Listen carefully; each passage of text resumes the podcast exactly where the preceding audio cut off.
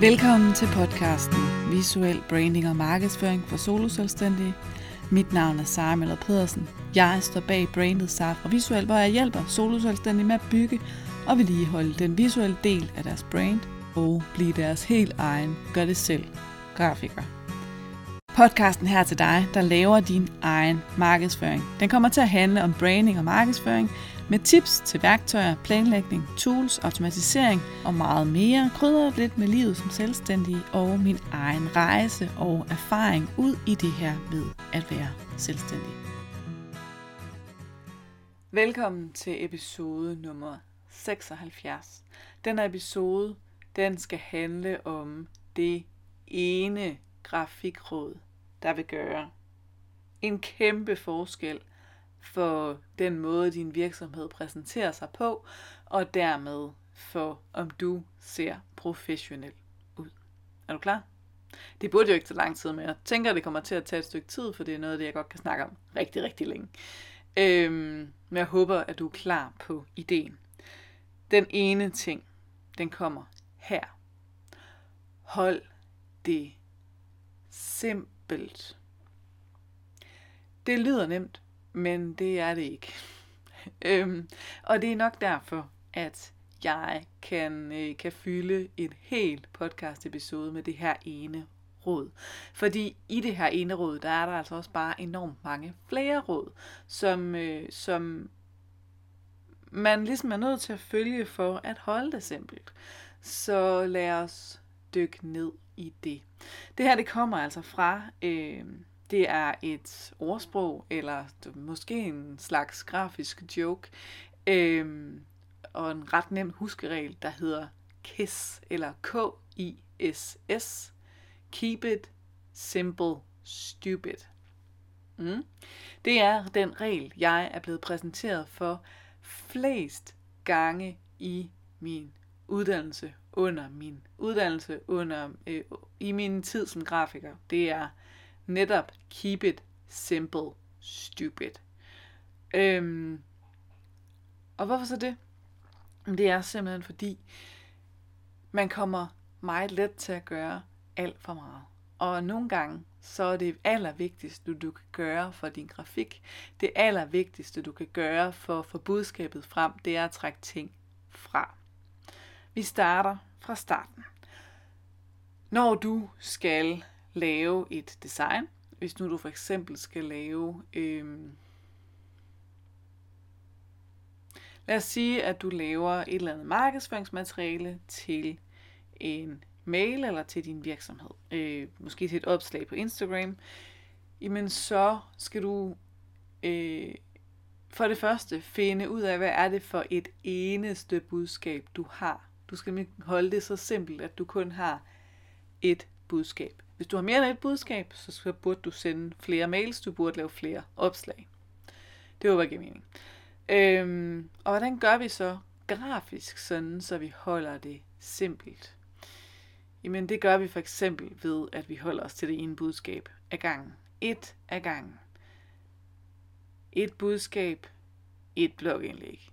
Et budskab, et opslag. Et budskab, et cover. Et budskab, en mail, et budskab, en side i din e-bog, et budskab, øh, en e-bog egentlig. Øh, med mindre du reelt er ved at skrive sådan en kæmpe fagbog, øh, og så skal du ikke bruge den som gratis freebie, det må du love mig. Øh, men hold det enkelt, hold det simpelt.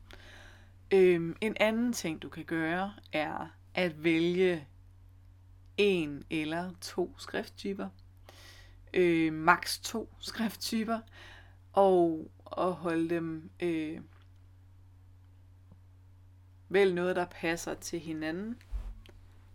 Vælg noget, der holder det enkelt.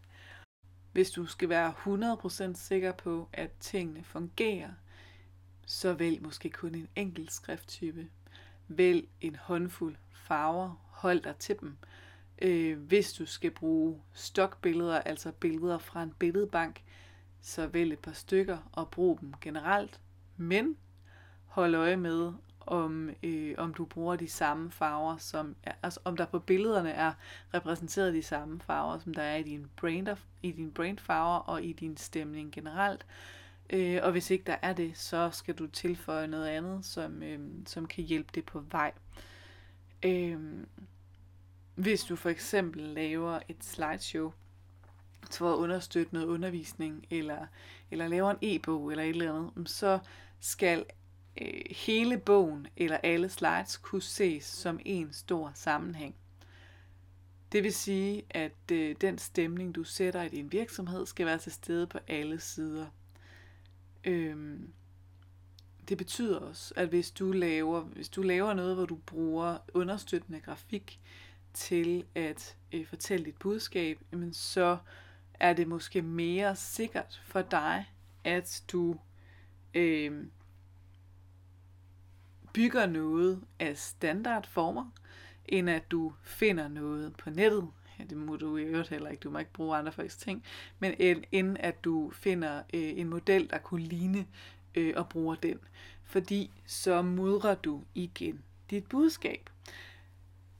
Så noget af det, du kan gøre, er for eksempel at bygge, bygge dine egne øh, grafer, byg din egen, øh, byg dine egne visuelle virkemidler, byg dine egne skabeloner, byg dine egne metoder, visualiser dem selv, øh, men brug de samme farver og de samme skrifttyper, som du gør alle andre steder. Hold det simpelt. Jo flere skrifttyper du har, jo mere mudret bliver det at forstå. Jo flere stilarter der er til stede, jo mere mudret bliver det at forstå, jo mindre professionelt virker det. Øhm, så, så det er noget af det, du kan gøre for ligesom at holde stilen. Hvis du for eksempel skal lave en e-bog, men så er det måske bedre, at du øh, holder det en lille smule kedeligt, end at du tager billeder ind, som sender en stemning, øh, sender en helt anden, øh, folk i en helt anden retning, end der, hvor du allerede er. Noget af det, du for eksempel kan gøre, er at bruge din brainfarver øh, som forskellige baggrund. I stedet for at tage et billede ind, som du ikke er helt sikker på passer ind, så vælg eventuelt et øh, så vælg eventuelt at have øh, din brainfarve som baggrund, eller, eller lav en ramme, eller gør et eller andet for, at du ligesom indikerer, at det her, det er altså det design, du har, det er det design, du går med, og det er sådan, som det skal være.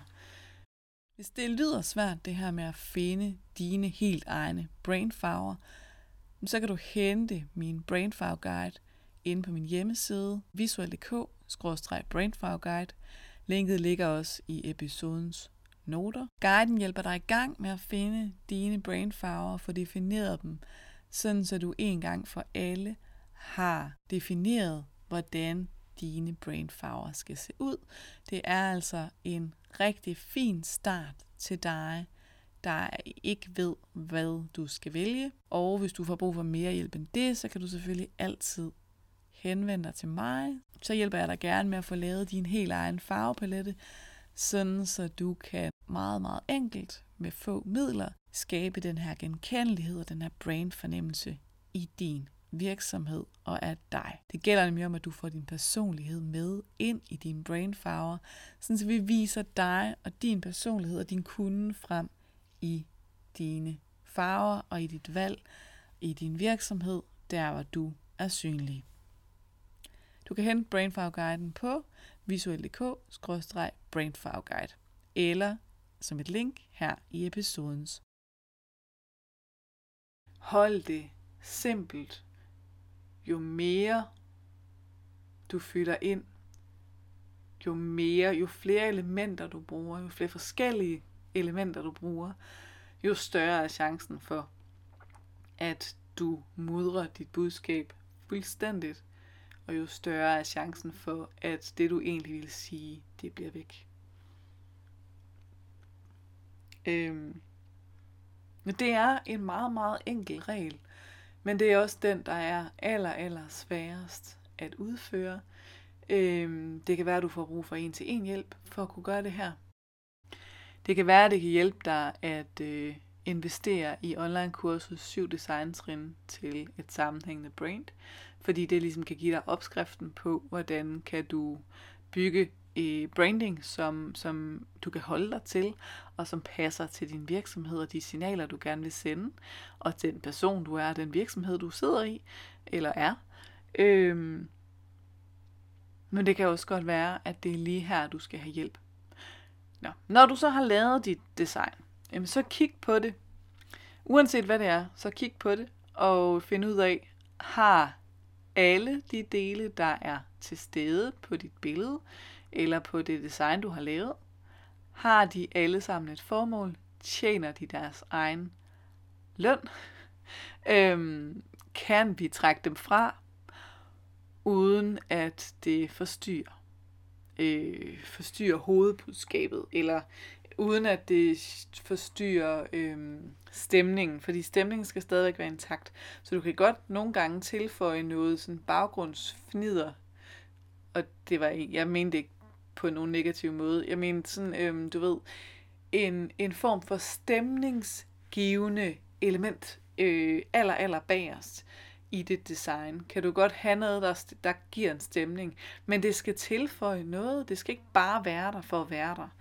Øhm, og hvis, ikke, hvis det er der bare for at være der, hvis det er der bare fordi, at, det så, at du tænker, mm, det er lidt, lidt lækkert, men så pil det af. Altså, så, så har det hørt det ingen steder hjemme. Jeg kan huske en gang, hvor jeg fik en mail fra en coach, der havde lavet sådan nogle prikker rundt om, rundt om hendes foto af sig selv.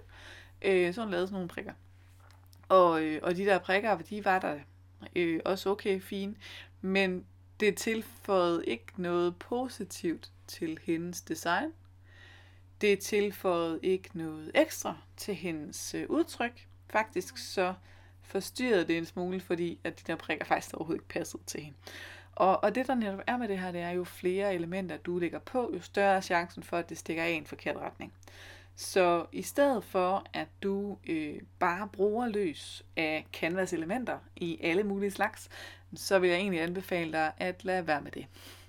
Øh, og det vil jeg, fordi det, øh, det kan sagtens forstyrre dit budskab. Og det kan forvirre dine kunder. Og forvirrede kunder, de køber ingenting. Jeg håber, at det her det gav dig et indblik i, hvad man kan gøre for at få endnu bedre styr på det her med designet. Og jeg håber, jeg fik forklaret den her grafikregel. Øhm, det er en grafikregel, jeg er en af, altså, som jeg lever efter tit, ofte og hele tiden. Øhm, når jeg sender en mail, så laver jeg grafik, der, øh, altså når jeg sender nyhedsbrev ud, så laver jeg grafik, der, der tjener et formål. Øhm, fortæller en historie når jeg laver et opslag, så forsøger jeg også så vidt muligt at lave grafik, der tjener et formål. Og, og jeg vil anbefale dig at gøre det samme. Det blev kort, men det blev længere, end, end du måske havde troet. Nu er den her episode slut, og jeg håber, at hvis du fik noget ud af den her episode, at du så vil dele den med en, du kender, som også kan få noget godt ud af den her episode. Måske kender du også nogen, der kunne have brug for at høre den her episode, og så skal du være helt velkommen til, uden binding, at dele det her med dem. Tak fordi du lyttede med, og vi snakkes ved.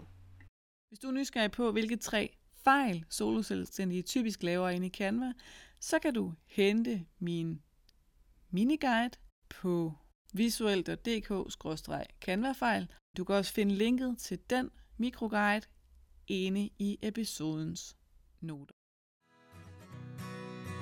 Hvis du fik noget ud af afsnittet her, hvis du kunne lide det, du hørte, så anmeld det meget gerne. Stik det nogle stjerner, der hvor du lytter til podcast. Og eventuelt, hvis du vil hjælpe mig ekstra meget, så tag et screenshot og del, hvad du laver, mens du øh, lytter til podcasten her.